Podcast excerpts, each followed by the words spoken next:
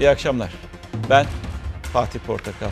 Ülkenin, Türkiye'nin en etkili ana haberine hoş geldiniz sevgili izleyenler. Tarih 6 Kasım 2019 günlerden çarşamba. Herkesin bir işi var. Herkes o işiyle meşgul. Ha kimilerinde işi yok ama şu an için yok. Ve ileride mutlaka bulacaklar çünkü böyle gitmeyecek bu düzen. Veya böyle gitmeyecek bir şekilde işi bulmak hayatını idame ettirmek zorunda. Şimdi işi olanlar işlerini yapıyorlar. Kimisi severek yapıyor. Kimisi zoraki olarak yapıyor. Kimi işin kolaylığı var, kimi işin daha bir zorluğu var. Kimi işin riski daha fazla, kimisinin daha az. Ama hepimiz işimizi yapıyoruz. Bir emek ortaya koyuyoruz. Ve o emeği ortaya koyarken, koyarken hangi işi yaparsak yapalım saygı görmek istiyoruz. Saygıyı göremediğimizde karşımıza bir maganda çıktığında o zaman da işimizi yaparken üzülüyoruz veya bizi üzmek istiyorlar yaptığımız işten dolayı. İşte e, bugün tabela işimi yaparken Türkiye Büyük Millet Meclisi'nde bir maganda vardı sevgili izleyenler ve meclis çatısı altında bir gazeteciye, bir haberciye gel bir konuşalım diyebilme cesaretini gösteriyordu. İşte bu yüzden de gazeteciliğin hakkını, haberciliğin hakkını ve emeğini korumak adına, saygınlığını da tabii ki korumak adına biz bu akşamki tabelayı işimi yaparken diye bulduk. Birazdan o haberi de ekrana getireceğiz. Önce Amerika diyeceğiz. Çünkü 13 Kasım'da özür dilerim. 13 Kasım'da acaba Cumhurbaşkanı Recep Tayyip Erdoğan Amerika'ya gidecek mi? Trump'la görüşecek mi? Görüşmeyecek mi? Bunu bilmiyoruz. Zaman gösterecek. Ama çok büyük bir ihtimal gidecek diye düşünüyoruz. Çünkü neticede Amerika ile ilişkiler denge politikasını sürdürdüğümüz boyunca, sürdürdüğümüz sürece Amerika ile de Rusya ile de ilişkileri tamamen kopartamayız. Her ne kadar bize aba altından sopa gösterse de, her ne kadar zaman zaman sevgi cümleleri, zaman zaman da yergi cümleleri yapsa da büyük bir ihtimal gidilecek. Ama hala bir irtibat sorunu mu var acaba? Çünkü e, ikinci adamların e, yani saraydan ikinci adamların Erdoğan'a bağlı ikinci adamların sözlerinden sanki bunu çıkartıyoruz. Peki e, e, bu arada e, Cumhur ortağının diğer ortağı Devlet Bahçeli'den de destek geldi. Kararına saygılıyız dedi Erdoğan'ın ama bir eleştiri İyi Parti'den, e, İyi Parti'nin önemli bir isminden Ümit Özdağ İstanbul Milletvekilinden geldi. Erdoğan'ın gideceğini söyleyerek iddiası bu yönde gitmesini gerektiren şartların olduğunu söyledi. Acaba o şartlar neler? Gitmeden önce bir kendilerince bir telefon görüşmesi yapacağız. O telefon görüşmesine göre nihai kararımı vereceğim. Amerika Birleşik Devletleri Başkanı Trump Tayyip Erdoğan'a gel derse gelir, git derse gider. 13 Kasım'a bir hafta kala Cumhurbaşkanı Erdoğan Amerika'ya gidip gitmeyeceği netleşmedi. Erdoğan'ın sonrasında kararımı vereceğim dediği Amerika Başkanı ile telefon görüşmesi de henüz gerçekleşmedi. Arkadaşlar irtibat kurmaya çalışıyorlar. 1970'lerde 80'lerde kırmızı telefon diye bir şey vardı. Kaldırdın mı karşından başkan çıkardı. 1920'lerde Atatürk bütün cephelerle telgraf irtibatı kurdu. 2019'unda Amerikan başkanıyla telefon irtibatı kuramayan birisinin Türkiye'yi yönetirkenki acizliğiyle karşı karşıyayız. CHP Erdoğan'a Amerika'ya gitmeden önce mektuba yanıt vermesi çağrısını yapıyor. Trump özür dilemeden ziyaretin gerçekleşmemesini istiyor. Yeni günde de açıklamalar arka arkaya geldi. Bahçeli de tartışmaya girdi. Polemikle duygulara teslim olarak öfke ve ön yargıların çekim alanına kapılarak dış politika icra edilmez. Cumhurbaşkanımızın alacağı karar ne olursa olsun yanındayız. Desteğimiz tamdır. Gitmemesi şu anda daha uygun olur gibi. Çünkü bizim de bir tavır koymamız icap eder. Sayın Cumhurbaşkanının Türkiye'nin milli tez ve politikalarının yeri ve zamanı geldiğinde muhataplarına anlatmasının neresi mahsurludur? Bu mektubun şayet gidecekse Sayın Cumhurbaşkanı elden kendilerine teslim edilmesi bir meydan okumayı da birlikte beklediğimizi ifade ediyorum. Ben ABD'ye gideceğini düşünüyorum. Bahçeli Amerika ziyaretine karşı olmadığını açıkça dile getirdi. İyi Parti'den dikkat çekici bir açıklama da Ümit Özdağ'dan geldi. Şartlar Erdoğan'ın gitmesini gerektiriyor dedi. Cumhurbaşkanının Trump'ın hakaret dolu mektubuna cevap vermemesini gerektiren şartlar neyse aynı şartlar Cumhurbaşkanının Amerika Birleşik Devletleri'ne gitmesini gerektirecek. Ne diyor? Telefonla görüştükten sonra karar vereceğim diyor. O telefon görüşmesine de arkadaşlar irtibat kurmaya çalışıyorlar diyor. Aslında o mektuptan sonra Türk-Amerikan ilişkilerini onarmaya Trump'ın uğraşması lazım. Bizimkiler uğraşıyor. Artık gözler Erdoğan-Trump arasındaki telefon görüşmesinde. İki liderin konuşmasından sonra Cumhurbaşkanı kararını açıklayacak. Bugün güzel yazılardan bir tanesi Cumhuriyet Gazet- Gazetesi'nde Barış Doster'in yazısıydı. Ee, Suriye politikası neleri gösterdi ve yine ben arşive aldım bunu e, saklayayım diye kendi arşivime bu yazıyı. Şöyle demiş Barış Bey köşesinde. Türkiye'nin Suriye politikası askeri harek- harekatlardaki başarılara ve Astana süreciyle birlikte İran e, ve Rusya ile aynı safta buluşmasına rağmen ABD bağımlılığı, ABD bağımlılığı ve Suriye rejimiyle görüşmekten kaçınması nedeniyle bir türlü istenen sonucu veremiyor demiş. Sadece ABD bağımlılığı değil, bağımlılığı değil, diğer taraftan e, Türkiye'nin başka sorunlarını da özetlemiş. Fırsat olursa onları da birer cümleyle sizinle birazdan paylaşmak isterim. Ee, geldik e, harekatta durum ne? Harekat çok karışık bir hale aldı. Yani artık bir kere şu ortaya çıktı. Yapılan mutabakat Türkiye'nin operasyonunu durdurdu. Amerika ile ve Rusya ile. Ha bir başka sonuç Amerika ve Rusya'nın anlaştığı da bir şekilde kapalı kapılar ardında Türkiye'den habersiz bir şekilde Türkiye'den habersiz bir şekilde anlaştığı da ortaya çıktı. Bunu da söyleyebiliriz. Ve hala e, gelen saldırılar var. İşte Milli Savunma Bakanlığı'nın son açıklaması son 24 saatte terör örgütü YPG tarafından 11 saldırı gerçekleşti. Olmaması, bulunmaması gereken yerlerde çünkü mutabakatlar onları sağlıyor onları sağlamlaştırıyor. Ve Lavrov'un bir açıklama var. AB, e, Rusya Dışişleri Bakanı'ndan bir açıklama var. Her şeye rağmen onu, onlar kabul etmiyorlar. Yani çıktığını iddia ediyorlar ki partili Cumhurbaşkanı Sayın Erdoğan dün e, meclis grubunda çıkmadıklarını dile getiriyordu. Evvelsi gün Milli Savunma Bakanlığı aynı şekilde çıkmadıkları yönünde açıklamalarda vardı. Açıklamaları bulunuyordu. İşte Lavrov şöyle dedi. Kürt güçler 30 kilometrenin dışında. Ama şimdi gelecek olan görüntü çok daha enteresan.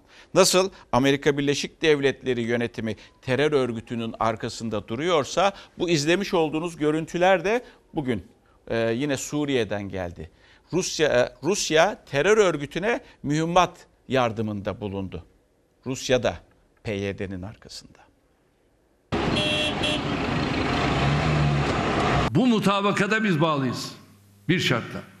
Muhataplarımızın da sözlerini yerine getirmeleri halinde bu geçerlidir. Ne Rusya getirdi mutabakat sözünün yerine ne de Amerika. YPG PKK'lı teröristler Barış Pınar Harekatı bölgesine saldırdı.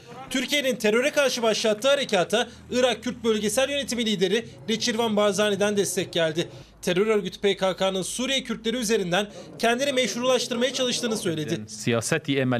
Türkiye'nin başından beri Suriye'deki Kürtlerle bir sorunu yok ancak PKK ile var. Tek isteğimiz Kürtlerin PKK ile aralarına mesafe koymasıdır. Fırat'ın doğusuna harekat Washington ve Moskova ile yapılan mutabakatlarla durdu. Rusya ve Amerika Türkiye'ye teröristlerin güvenli bölge sınırı olarak belirlenen 30 kilometrenin dışına çekileceği sözünü verdi. Mutabakat süreleri doldu ama iki ülkenin güvencesi de lafta kaldı. Putin'in prezidenti Erdoğan organım Soçi. Soçi'de yapılan mutabakatın yerine getirildiğinin altını bir kez daha çizmek isterim. Askerlerimiz Kürt güçlerin çıkarıldığı Suriye-Türkiye sınırından itibaren 30 kilometrelik alanda yakın koordinasyon içinde çalışıyor. Bizi teröristleri buradan çıkarttık.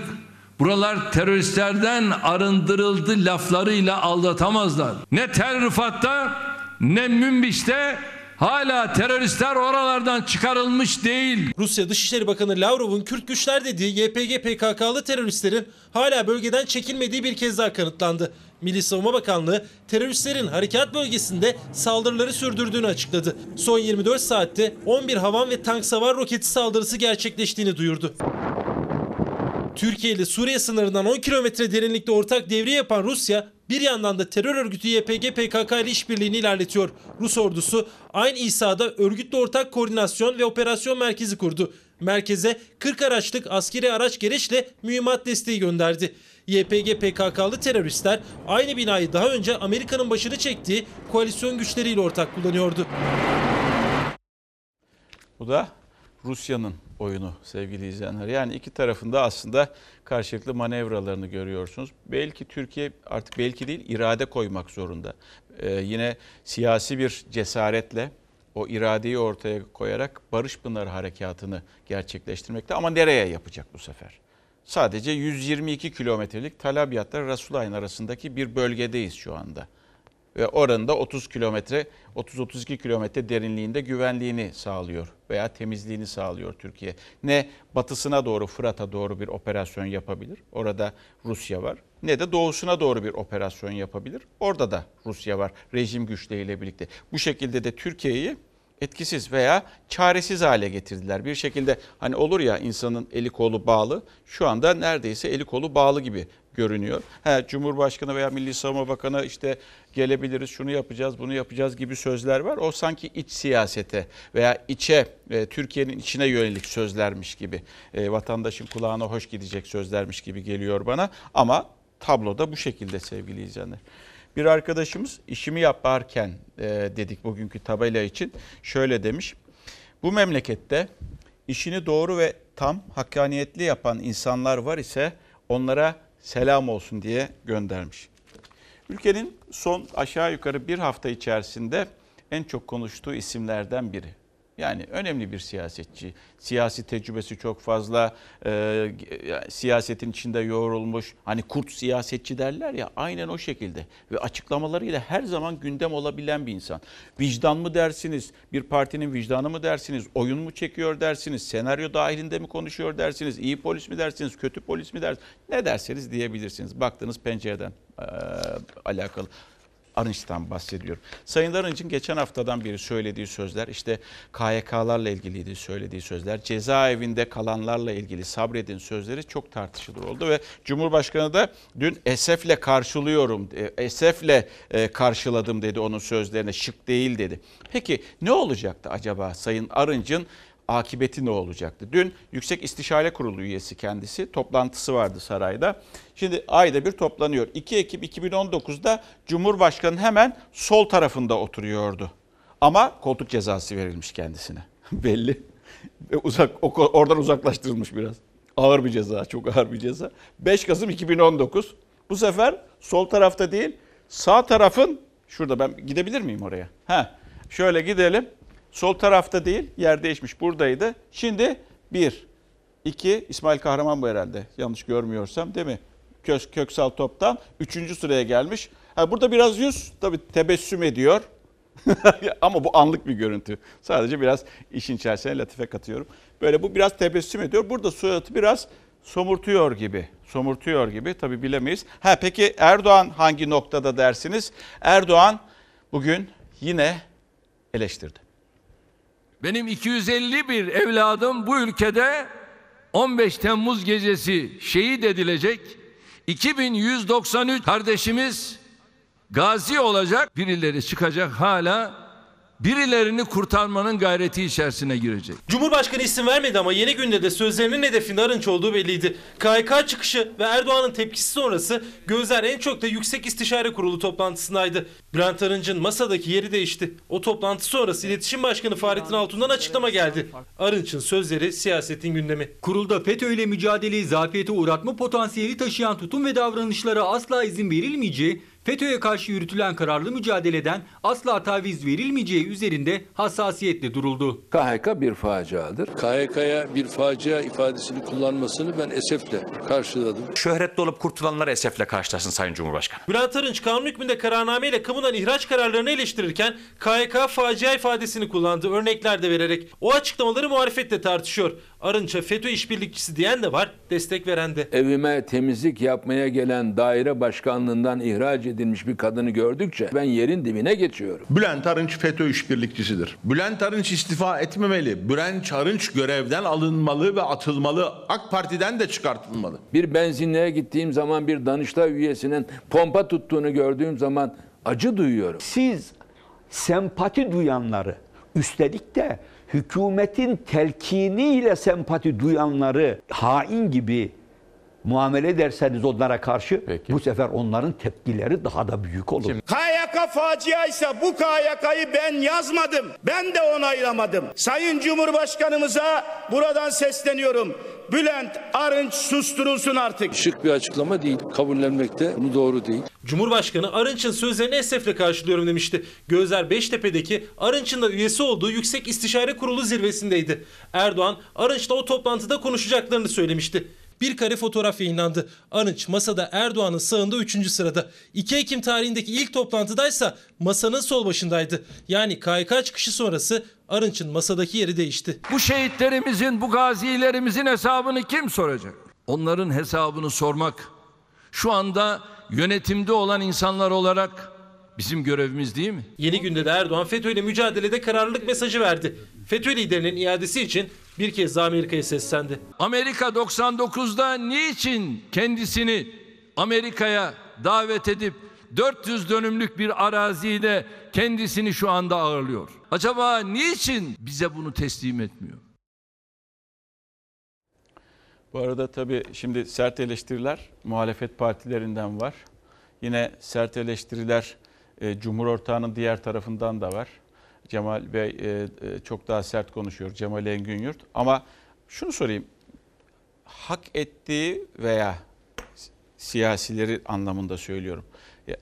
Diğerlerine baktığınızda Erdoğan'ın eleştiri şekli Sayın e, Arıncı ne derece yüksek dozda? Yani bir kısmın isteyebileceği Cumhur ortağını tatmin edebilecek dozda mı veya muhalefeti rahatlatabilecek dozda mı?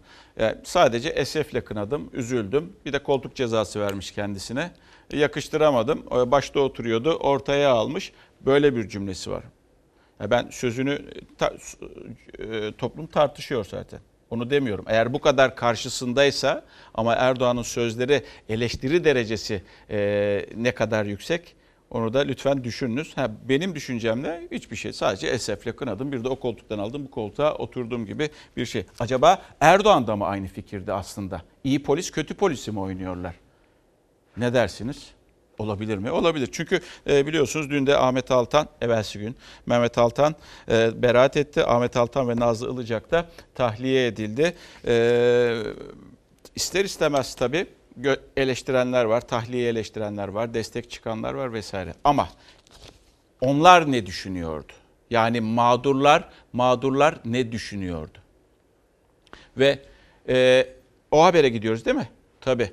Ve o ailelerin e, o ailelerin e, yakınları mağdur edilmişti. Hayatlarını kaybetmişlerdi. İşte Türkan Saylan Ergenekon mağdur, mağduruydu. Ali Tatar Ergenekon mağduruydu. Kaşif Kozinoğlu Ergenekon, Kutlusu Okur keza öyle. Murat Özenalp balyoz mağduru. Aziz Çakmak, Cem Aziz Çakmak balyoz mağduru. En alttaki hanımefendiyi açıklay- e, an- tanıyacaksınız belki. Nazlıgül e, Daştanoğlu. iftira mağduruydu kendisi. Mustafa Kelleci, Albay Erden, Ülgen, e, Uçkun Geray, İlhan Selçuk, Özden Örnek, balyoz mağduruydu. Bunların hiçbir hayatta değil. Veballeri o yüzden çok çok fazla. Belki bunu işte dönemin haberlerini yaptıran gazetelerde taşıyor, siyasiler de taşıyor. Esas siyasiler taşıyor. Siyasilerin kullandığı veya bürokratların kullandırıldığı gazeteciler de bu mağduriyeti veya vebali taşa mağduriyet değil vebali yaşamak zorundalar. Ve onlarla konuştuk. Siz ne düşünüyorsunuz dedik. Mesela Ali Tatar'ın abisi.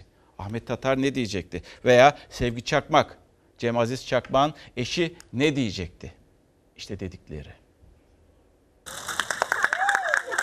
Bize bir şey anlatmayın. FETÖ'yle mücadele ediyoruz demeyin. Nazlı Ilıcak'ın Altan kardeşlerin tahliye olmasını asla kabul edemiyorum. Çünkü onların ellerinde bizim eşlerimizin kanları var. Siyasetçiler iki gündür konuşuyor ama asıl konuşması gerekenler FETÖ mağdurları aileleri ilk kez konuştu. FETÖ kumpaslarıyla yıllarca cezaevinde yatan, hayatını kaybeden isimlerin aileleri Nazlı Ilıcak ve Ahmet Altan'ın tahliyesine tepkili. Benim eşimi geri getirebilir misiniz? Getiremezsiniz. Bu vebalin altında e, kalacaklar. Ergenekon, Balyoz, amirallere suikast davalarının manşetlerini süslediği Taraf Gazetesi'nin genel yayın yönetmeniydi Ahmet Altan.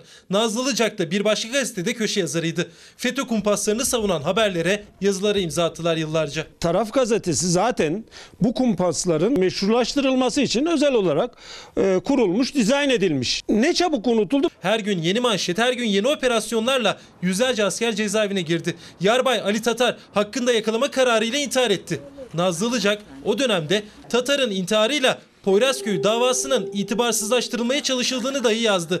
Tahliyesine Ali Tatar'ın abisi tepkili. 75 yaşında bir insanın içeride kalması beni sevindirmez. Nazlı Ilıcak'ın zerre kadar e, vicdanı olduğunu düşünmüyorum. İnsanlar hayatlarını kaybetti ve en önemlisi de bu ülke 15 Temmuz'da uçurumun kenarına geldi. Tuamiral Cem Aziz Çakmak balyoz davasında 18 yıl hapse çarptırıldı. 1 Şubat 2014'te Silivri cezaevindeyken akciğer kanserine yakalandı. Hastalıktan sonra tahliye edildi. Hayatını kaybetti. Vatana ihanetten yargılandı. Ya bu çok acı bir şey. Başarılarla dolu bir hikayenin kahramanıydı. Tuamiral Cem Çakmak Silivri cezaevine girdiğinde yaşadığı her anı kağıda döktü ve ona uygulanan adaletsizliği bu kitapla haykırdı. Kitap çıktıktan bir yıl sonraysa akciğer kanserinden hayatını kaybetti. En çok Cem'i yıkan bir askerin e, Cem'in ayakkabısının içinde telefon kartı aramasıydı. Bunu hiç yediremedi kendine. Cem Çakmak'ın eşi yıllar önce kumpasa isyan ediyordu. Bugün FETÖ'nün medya yapılanması davasındaki tahliyelere tepkili. Kumpas mağduru CHP'li Mehmet Ali Çelebi de. İftira atıp kanına girdikleri insanlardan dolayı ayrı ayrı yargılanmalılar. Ben bunun peşindeyim. Ali Tatar, Cem Aziz Çakmak, Murat Özenalp, Kuddis Okkır, Kaşif Kozinoğlu, Türkan Saylan, Özden Örnek, İlhan Selçuk, kumpas mağduru ve bugün hayatta olmayan isimlerden bazıları. Yarın bizi suçlamaya kalkarlarsa şaşırmayacağız. Yani biz de suçlayabilirler. Tabii şimdi ister istemez gözler Nazlı Ilıcak'a, Ahmet Altan'a, Mehmet Altan'a çevriliyor.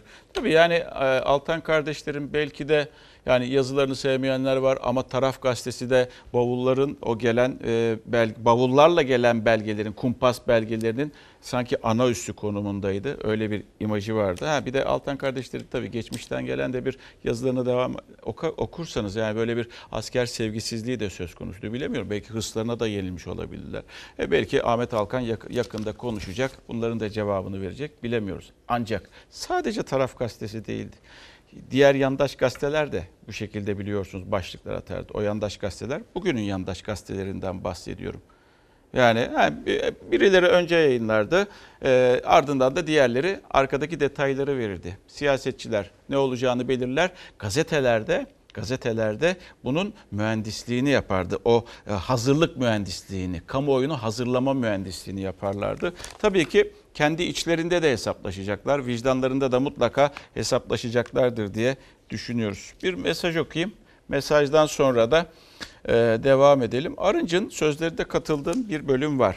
E, yani KYK'larla çıkartılanların hepsi yani KYK faciadır deniyor ama orada çok mağdur olduğunu yani sayı veremem tabii ki ama mağdur olduğunu söyleyen birçok da insan var. İşte bakın onlardan bir tane mesaj gelmiş. Şöyle diyor iddiası. İşimi yaparken en yakın iş arkadaşımın bomboş şikayetiyle atıldım. Sebep mi? KYK diyor. Böyle e, şikayetlerle, böyle iftira iddialarıyla da atılanların e, olduğunu duyuyoruz ve okuyoruz. Buna nasıl bir çözüm bulunur? Bunu da biz yönetenler düşecek. Bu hale nasıl getirdiniz? Burada da çıkartacak olanlar yine sizin uygulamalarınız sizler. İleride tabii yaşanır mı? Yine yaşanabilir tabii ki. Ve geldik e, meclis. Biliyorsunuz meclis e, Türkiye Büyük Millet Meclisi en önemli makam. Türkiye'deki e, millet meclisinden bahsediyoruz. Millet meclisinde de milletvekilleri var. Kürsüde söz alıyorlar ve konuşuyorlar.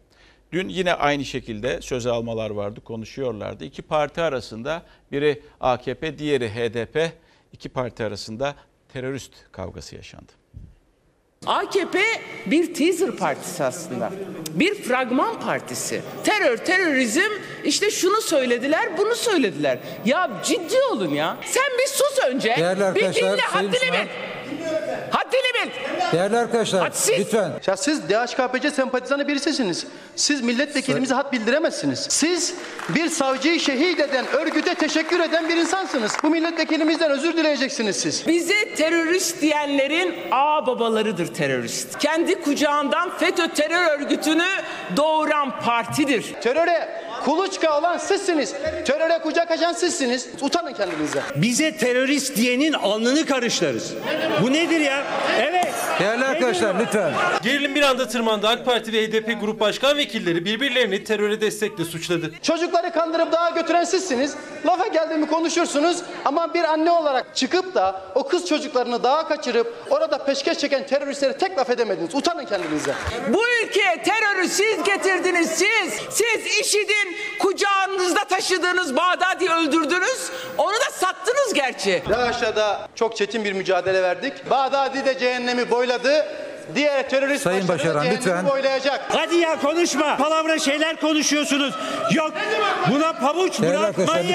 Yok böyle şey. arkadaşlar lütfen rica Yeter ya. Bu sert atışmanın fitilini HDP'li Meral Danış Beştaş'ın haddinizi bile sözler ateşledi. Demirtaş ve Yüksekdağ'ın tutukluluklarıyla ilgili konuşurken AK Parti cephesinden gelen tepkilerle tansiyon yükseldi. Siz kürsüde bizi tehdit edemezsiniz. Biz de sizin gibi geldik buraya. Şehit Mehmet Kiraz'ı katleden DHKPC terör örgütüne teşekkür eden birisidir. Bunu bize söyleyemezsiniz. Kimse beni arkadaşlarımı terörist otur yerine otur yerine Sayın Uluç, lütfen. yaşından utan be teröristiz estiriyorsun işte burada yeter ya Biz değil. orada bağıra bağıra politika mı olur Değerli milletvekilleri lütfen oturunuz yerinize. AK Partili vekiller ayaklanınca meclis başkan vekili girdi araya. Verilen arayla tansiyon düştü. Bu Türk- meclisin genel kuruluydu. Bir de komisyona bakacağız. Meclis komisyonunda çünkü 2020 bütçesi görüşülmeye başlandı ve siyasi partilerin temsilcileri de o komisyondaydı. Buradan çıkaracağımız acı tabloyu da herkes bilmeli ki 2020'de de yüksek vergi artışları ve zam yağmuru hız kesmeden devam edecek. Bu bütçe IMF'siz bir IMF programıdır. Emeklilikte yaşa takılanların sorunları bu bütçede yok. Vergi gelirlerinin yaklaşık %70'inin dolaylı vergilerden temin edileceği anlaşılmakta. Dar ve sabit gelirli vatandaşlarımıza görece daha fazla yük bineceği anlamına gelmektedir. 23 gün sürecek bütçe maratonu işte böyle başladı komisyonda. CHP, İyi Parti, HDP ve MHP'nin eleştirileriyle. Çiftçi, işçi, memur, emekli tüm toplum kesimlerinin sorunlarının giderek iyileştirilmesini mümkün kılacak önlemlerin ve desteklerin hayata geçirilmesi gerekmektedir. 2020 bütçesi doğrudan ya da dolambaçlı yollardan halkın cebindeki son kuruşa kadar el koyan bir bütçedir. Cumhurbaşkanı Yardımcısı Fuat Oktay da bütçe sunumu için hazır bulundu komisyonda. İttifak ortağı MHP'nin bütçe eleştirilerini sessizce ama bir o kadar da dikkatle dinledi. Maalesef Sayın Cumhurbaşkanı Yardımcısı yine çok lüks bir arabayla meclise geldi. Ya 8-10 milyonluk arabayla bütçeye gelip vatandaştan tasarruf beklediğiniz zaman ya siz nasıl önce tasarrufu siz yapın demezler mi? İlk gün muhalefetin eleştirilerine AK Parti'den hiç ses yükselmedi ama komisyondaki görüşmeler 23 gün sürecek. Her round sert geçecek. Görüyorsunuz mecliste vekiller var, partilerin vekilleri var. Bir de e, sarayın temsilcisi Fuat Oktay var. Ve onlar oradayken tabii kameralar da içeride. Yani kameramanlar var ve haberciler var. Kamuyu ilgilendiren meclis çatısı altındaki bu olayı görüntülüyorlar. Ha işlerini yapıyorlar. Ve işte Fuat Oktay'ın protokol müdürü olan kişi mecliste magandalık yaptı sevgili izleyenler meclis çatısı altında. İşini yaparken bir kameramanı tehdit edebilme cesaretini kendinde gösterdi. Gel bir bakalım dışarı dedi. Ama arkadaşları, haberci arkadaşları onun yanındaydı. Kameramanın yanındaydı. Tamam uzatmayalım. Müsaade edin biz konuşuyoruz ya. Konuşuyoruz şey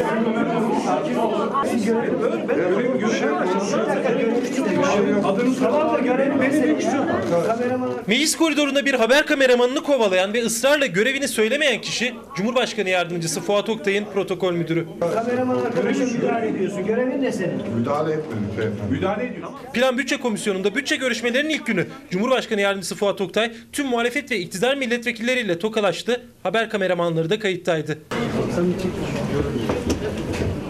Fuat Oktay'ın protokol müdürü haber kameramanlarının önünü kapattı görüntü aldıkları sırada. NTV kameramanı da uyardı ve sonrası.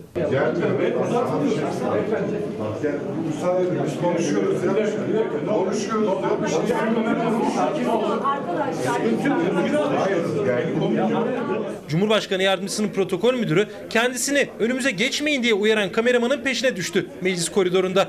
Araya parlamento muhabirleri girdi. Tamam da görevin beni bekliyorsun. Kameraman arkadaşım müdahale ediyorsun. Görevin ne senin? Müdahale etmedik beyefendi. Müdahale ediyorsun. Tamam. Israrla kim olduğunu söylemedi. Hatta ısrarlar artınca arkasını dönüp gitmeyi tercih etti. Protokol müdürünün Türkiye Büyük Millet Meclisi koridorunda gazeteci kovaladığı Fuat Oktay'a da bir notla iletildi. Oktay kameramandan özür dilenmesi talimatını verdi. Basın danışmanı Ali Genç kameramandan protokol müdürü adına özür diledi. Bakın işini yapan bir kişi. Orada kısa da bir görüntü var. Ee, nedir? Sırtına dokunuyor. Çekilin şöyle diyor. Çekeceğiz. Ee, yani orada bir görüntü var onu çekeceğiz diyor. Beyefendi kaldıramıyor. Ve bu kişi protokol müdürü sevgili izleyenler. Bir kameraman işini yaparken, kameraman arkadaşımız işini yaparken onu meclis çatısı altında tehdit edebiliyor. Gel bakalım. Ya bunu dışarıda söyleseniz gel bir bakalım. Bu bir kavga nedeni. Ha bu kadar saygısızlık ve bu düzeyde insanlar, şu düzeyde insanlar protokol müdürlüğü yapıyorlar. Adı üstünde çok önemli olması gerekir. Ve bu haberi bir emeğin nasıl yok edilmek istendiğini, emeğin nasıl kaba kuvvetle örselenmek istendiğini sadece bu kanalda seyredebilirsiniz. Fox Haber'de izleyebilirsiniz. Belki kendi haber kanalı bile vermeyecek onu bilmiyoruz. Ama en azından şu kişiye birilerinin hat bildirmesi gerekiyor. Görevini yapan kameraman arkadaşlara veya habercilere yapmış olduğu bu saygısızlıktan dolayı. Meclisin itibarı ve çalıştığı kurumun ve kişinin itibarı açısından sevgili izleyenler. Geldik. Ee, biliyorsunuz e, Merkez Bankası ile de ilgili bir e, tartışma söz konusu. E, dün partili Cumhurbaşkanı Erdoğan Merkez Bankası Başkanı'nı görevden aldık çünkü laf dinlemedi diyordu. Murat Çetinkaya için bunu söylüyordu görevden alınan başkan için ama biz biliyorduk ki Merkez Bankası özel bir kuruluş. Yani siyasilerin baskısı veya onların tasarrufu altında değil. Ne var ki muhalefetin ortak bir tepkisi var. Aslında şunu demek istiyorlar.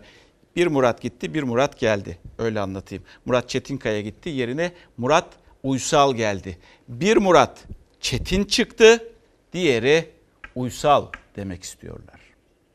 Önceki Merkez Bankası'nı görevden aldık çünkü laf dinlemiyordu. Merkez Bankası başkanları yürütmenin başının sözünü dinlemek için değil, dinlememek için maaş alırlar. Bu demokrasimizin ve yönetim kalitemizin sicilini etkileyecek bir cümledir. Bu işleri konuşmak usulü adabı vardır. Altında imzası bulunan görevden alma kararı için ilk kez bu kadar net konuştu Cumhurbaşkanı Erdoğan. Görevden aldığı eski Merkez Bankası Başkanı Murat Çetinkaya'nın laf dinlemediğini söyledi. Muhalefet tepki gösterdi. Bu sistemi değişince Merkez Bankası'nı görevden alma yetkisini de aldık. Ve böylece önceki Merkez Bankası'nı görevden aldık çünkü laf dinlemiyordu. Bir kurumun bağımsız olması Cumhurbaşkanının orada yaptırım yapmasının önünde bir engel değildir. Çünkü hukuku yöneten Cumhurbaşkanıdır. Mahkemeleri yöneten Cumhurbaşkanıdır.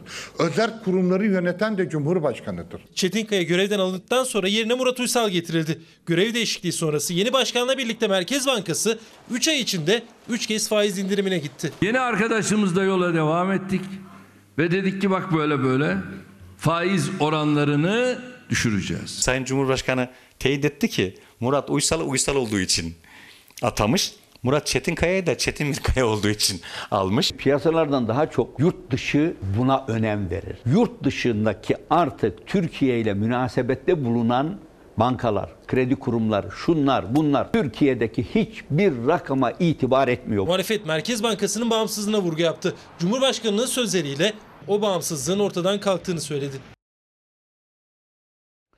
Ve enflasyon diyeceğiz. Hayat pahalılığı aslında.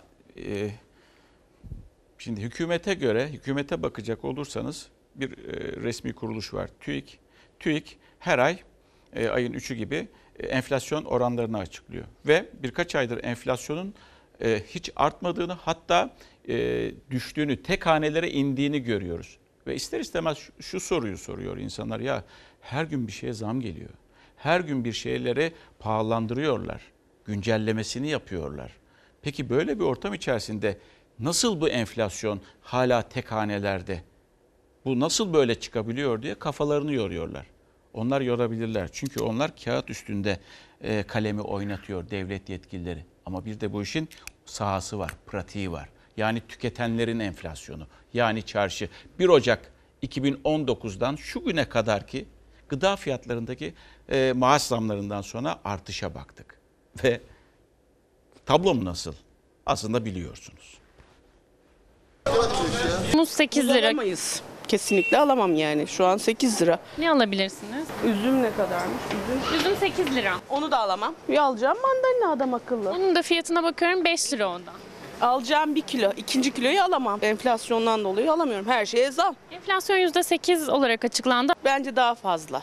Geçinemiyoruz yani. Geçinemiyoruz. TÜİK'in enflasyon sepetine bakınca da dar gelirli ailelerle aynı sonuç çıkıyor aslında. TÜİK yıllık enflasyonu %8,55 olarak duyurdu ama Ocak ayından bu yana fiyatı tek haneli artan bir gıda ürünü bulmak zor. 10 ayda fiyatlar asgari ücretlinin aldığı %26 zammında, özel sektörün aldığı ortalama %10 zammın da çok üzerinde arttı. Ne? Yüzde sekiz mi? Güldüm ben buna. Bu yıl içinde hiç zam almadım ama her şey çok güzel zamlandı. Sinirleniyorum, suradım kızarıyor farkındaysanız. Gelirinin çok büyük kısmını gıdaya ayırıyor dar gelirli. Alım gücü azaldı. Örneğin 10 ayda TÜİK rakamlarına göre dana eti %17 zamlanarak 40 liradan 47 liraya çıktı. Her eve alınan bir ürün ekmek onun enflasyonu bile çift taneli Ocak ayından bu yana %13 zamlandı.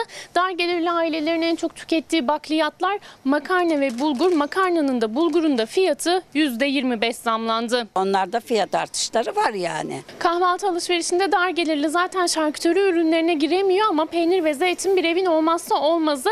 Peynirin fiyatı %14, zeytinin fiyatı %10, kahvaltı sofralarının vazgeçilmezi çayın fiyatı ise %19 zamlandı. Ayçiçek yağı %10, tüketicinin kullanmaya mecbur olduğu elektrik %33 zamlandı. TÜİK'e göre domatesin fiyatı düştü ama onun da markette fiyatı 5 lirayla 8 lira arası. Tüketici özellikle de meyveden kısıyor. Artık meyve dar gelirli ailelerin evinde çocuk sayısına göre tane tane alınıyor. Muz almışsınız herhalde sadece çocuğa göre mi? Evet. Çocuğa göre tabii ki. Meyve tezgahına baktığımız zaman muz, üzüm, elma, armut hepsinin fiyatı 10 lira sınırında olduğu için dar gelirli ailelerin alabildiği meyveler de sınırlı. O meyvelerden biri portakal ama onun da fiyatı %100'ün üzerinde zamlandı. Ocak ayından bu yana fiyatı %137 arttı. Yani TÜİK'in açıkladığı %8,55'lik enflasyon satın almanın zorunlu olduğu hiçbir ürün için geçerli değil. Tüketicinin özellikle de maaşına Ocak'tan bu yana zam gelmeyen asgari ücretlinin alım gücündeki erime %8,55'lik enflasyonun kat kat üstünde. Bir ay önceki aldığımızla şu anki aldığımız çok daha farklı. Sebze meyve yüksek. Enflasyon bana göre şu an %10'un 15'in üstünde. İşsizlik fonu var. İşte e, çalışırken paralar kesiliyor ki neden? E, bir fonda toplanıyor. İşsiz kaldığımız takdirde o fon bize destek veriyor. Yani güya destek veriyor. Ama biz öğrendik ki işsizlik fonu aslında e, başka başka yerlere ve başta da işverenlere e, kaynak amacıyla yaratılıyor. Şimdi bir fon daha kuruluyor sevgili esnaflar. Bu kez sizin için. Tabii işin güzelliği gösteriliyor önce. Deniyor ki esnaf eğer işsiz kalacak olursa onu desteklemek amacıyla bir fon kuruyoruz. Ve ama o fona önce para yatırmak zorundasınız. Kara gün dostu olacak o fon size diyorlar şimdiden. İşin yutturmacası bu veya makyaj kısmı bu. Ama eğer işsizlik fonu gibi olacaksa esnaf fonu da zor gider. Esnaf çok kötü. Ve küçük esnaf diye bir şey kalmadı. Böyle giderse kapatmayı düşünmüyoruz değil, kapatacağız zaten. Gelir gider terazisinde giderler ağır bastıkça çareyi iş yerini kapatmakta buluyor esnaf. Sayıları da her geçen gün artıyor. İflas eden, iş yerini kapatan esnaf mağdur olmasın diye işsizlik fonuna benzer bir sistem hayata geçiyor yeni yılda. Çalışırken prim kesilecek, işi sona erdiğinde belli bir süre aylık bağlanacak. Dükkanına kilit vurmamak için direnen esnafsa işsizlik maaşı değil nefes alabilecek kalıcı çözüm bekliyor. Bu işsizlik maaşı nereden verecek bu devlet? Tabii ki bizi yükleyecek. Bizden daha fazla vergi alacak tekrar bize verecek. Ya bunu bize almasınlar vermesinler. Vergi, sigorta, kira esnafın en büyük maliyet kalemleri. Bunun altında ezilen birçok küçük işletme bir bir kapatıyor dükkanını. Boşa düştükleri süreyi biraz olsun desteklemek için esnaf ahilik sandığı kuruluyor. 1 Ocak 2020'den itibaren vergi mükellefi olan her esnaf zorunlu olarak sisteme dahil edilecek. Her ay o sandık için esnaftan prim kesilecek. Brüt asgari ücretin %2'si esnaftan prim olarak kesilecek. Devlet katkısı ise %1. Yani esnaf bir gün iş yerini kapattığında alacağı işsizlik maaşını yine çalışırken kendisi ödeyecek. Yani burada vergiyi zor öderken bir de işsizlik için para ödemek yani gerek yok. Esnafın alacağı işsizlik maaşı kazancına göre belirlenecek. İşsizlik fonunda olduğu gibi belli bir limiti geçemeyecek. Örneğin bu yıl sistem devreye girseydi en fazla ayda 2031 lira alabilecekti esnaf. Maaş süresi de yine ödenen prime göre 6, 8 ya da 10 ay olacak. Sonra ne olacak? Yani 2000 lirayla geçinebilecek misin? Bulunduğumuz terzide 4 kişi çalışırken işlerin kötüye gitmesi nedeniyle sadece dükkan sahibi Veysel Bayram iş yerini idare etmeye çalışıyor. Ve böyle giderse ne yazık ki dükkanını kapatacak. Esnafa işsizlik maaşı sistemine gelince Bayram bunu aklından bile geçirmiyor, eski güzel günlerini geri istiyor. İşsizlik maaşı falan istemiyoruz biz. Biz sadece küçük esnafı rahatlatabilecek, biz önümüze açılacak bir şey istiyoruz. Bugünkü asgari ücrete göre esnafın her ay ödeyeceği prim aylık 51 lira. Yani yılda 600 lirayı geçecek. Üstelik yeni yılda asgari ücretin belirlenmesiyle bu rakamda artacak ve 1 Ocak'tan itibaren prim kesilmeye başlayacak. Prim borcu olanlarsa işsizlik maaşından yararlanamayacak. Keşke o duruma düşmesek, işsizlik maaşını da almasak yani. İyi ki Fox Haber var dedik ya. Kendimizi dev aynasında görmüyoruz. Kesinlikle. Hepimiz mütevazi insanlarız zaten. Ama işimizi iyi yapıyoruz. Sesi duyurulması gerekenler varsa seslerini duyuruyoruz. Soma işçileri sadece biz duyurduk sesini. Görebildiğimiz kadarıyla en fazla biz duyurduk veyahut. Ve o madenciler haklarını alacaklar. Elde ettiler. Ve yeni yılın ilk aylarında o istedikleri tazminat hesaplarına yatacak. Ha yatmadı mı? Biz yine onların haberini yapacağız. Bütün redevanslı olan madenlerin tazminatlarını ödeneceğini söyledi. Gayet e, olumlu geçti. Şu durumda mutluyuz. Haklarını arayan işçiler Manisa'da sevindi, Eskişehir'de üzüldü. Somalı işçiler Ankara'daki görüşmeden bu kez mutlu döndü. Çadırlar 33 gün sonra söküldü. Eskişehir'deki metal işçileri ise sözler tutulmayınca eyleme devam kararı aldı. İnadına sendika, inadına diz. Metal işçiler olarak kararımızı verdik. Onurlu mücadelemizi bugünden itibaren tekrar başlatıyoruz. Tazminat mağduru Somalı madenciler başkente yürüyüşe geçtiler. Yollarını jandarma kesti. Çadır kurup direndiler. Sonunda bekledikleri haber Ankara'dan geldi. Tazminatlarının meclise getirilecek torba yasayla yeni yılda ödeneceği sözünü aldılar. Soma'daki e, maden işçi arkadaşlarımızın 5 yıldan beri ödenmeyen tazminatların ödenme e, sözünü aldık. Verilen sözler üzerine 33 günlük eylem çadırı kaldırıldı. Sendika tazminatlar hesaba yatana kadar mücadeleye devam dedi. Bakan da gerekli yasal düzenlemelerin yapılıp kimsenin mağdur edilmeyeceğini vurguladı. Bu mücadele bugün sona ermeyecek. Bu mücadele söz verdiğimiz gibi devam edecek. Işıklar ve Atabacası gibi yeraltı kömür ocağında rödevans usulüyle çalışan e, işçilerimiz de vardı.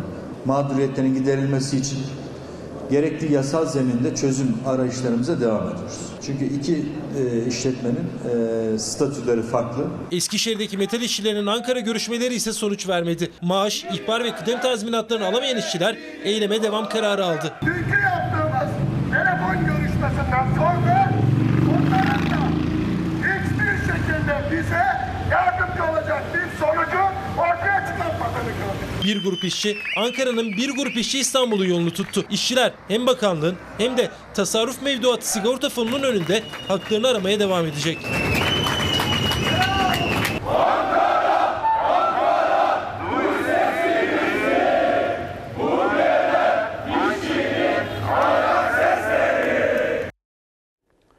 Söz her şeyi anlatıyor. Tahlil raporu. Evet. 7 haftalık hamile. Evet. Yaklaşık 10-12 kişilik bir grupla üzerime çullandılar. Yumruklarla vurdular. Hamile kalmamak için tüplerini bağlattı ama bir buçuk sene sonra beşinci çocuğuna hamile kaldı. Operasyonu yapan hastaneye durumu anlamak için giden aile iddialarına göre bilgi alamadıkları gibi bir de dayak yedi. Yılmaz ailesi İstanbul İkitelli'deki hastanede skandal üstüne skandal yaşadı. Hem bebeğin cinayetini işleyecekler böyle bir hata yaptıkları için hatalarını kabul etmeleri lazım ama karşınızda muhatap alıp da konuşabileceğiniz bir Allah'ın kulu yok. İddialarına göre Yılmaz ailesi hem istedikleri gibi sağlık hizmetinden faydalanamadı hem de Murat Yılmaz feci bir şekilde darbe uğradı. İşte dudağı patladı, ensesinde ve boynunda kızarıklıklar var. Sağ kolum zaten tamamen şu anda tutmuyor. İki çocuklu ailenin bir buçuk yıl önce de ikiz bebekleri dünyaya geldi. Doğumdan önce anne Rahime Yılmaz tüplerinin bağlatılmasını istedi. Maddi yönden dört çocukla çok zorlandılar. Üstelik baba da işsizdi. Evrak imzalandı. Hem doğum gerçekleşti hem de tüp bağlatma operasyonu yapıldı. Doktorların e, bilgisi doğrultusunda biz imza verdik. E, kordonların bağlatması konusunda. Ancak iki gün önce genç anne iki aylık hamile olduğunu öğrendi. Oysa tüpler bağlatıldığı için korunduğunu düşünüyordu. Aile yanlarında ablalarıyla birlikte durumu anlamak için operasyonu yapan hastaneye gittiler. Ne yapılacağını öğrenmek istiyorum, sormak istiyorum. Bunun için içeri girmek istiyorum. Alamayız dediler. Erkek kardeşimle ikimiz polikliniğin önünde bekliyoruz. Güvenlikçiler üzerimize saldırdılar. O esnada darp etmeye başladılar. 10-12 kişilik bir grupla üzerime çullandılar. Demir kapılı bir nezarethane var. Beni oraya yaka paça içeri soktular. 15-20 dakika sonra polis geldi. Karakola götürülen baba Murat Yılmaz darp raporu aldı. Aile yapıldığını iddia ettikleri hatadan dolayı ise Sağlık Bakanlığı'na şikayette bulundu. Ben istiyorum ki karşımıza bir tane muhatap çıksın. Biz bu hatayı yaptık. Nasıl telafi ederiz? Çünkü bebek büyüyor anne karnında. Tek ben değilim ki benim gibi kaç tane olmuş ve bugün bende patlak verdi. Diğerleri ise diğer arkadaşlar sessiz kalmış ama ben kalmayacağım. Reklam. Kapatıyoruz sevgili izleyenler. Bizden hemen sonra yeni bölümüyle Kurşun dizisi ekranlara gelecek. İzleyebilirsiniz. Yarın daha mutlu, daha huzurlu, daha güvenli bir dünya ve tabii ki Türkiye'de buluşmak umuduyla. Hoşçakalın.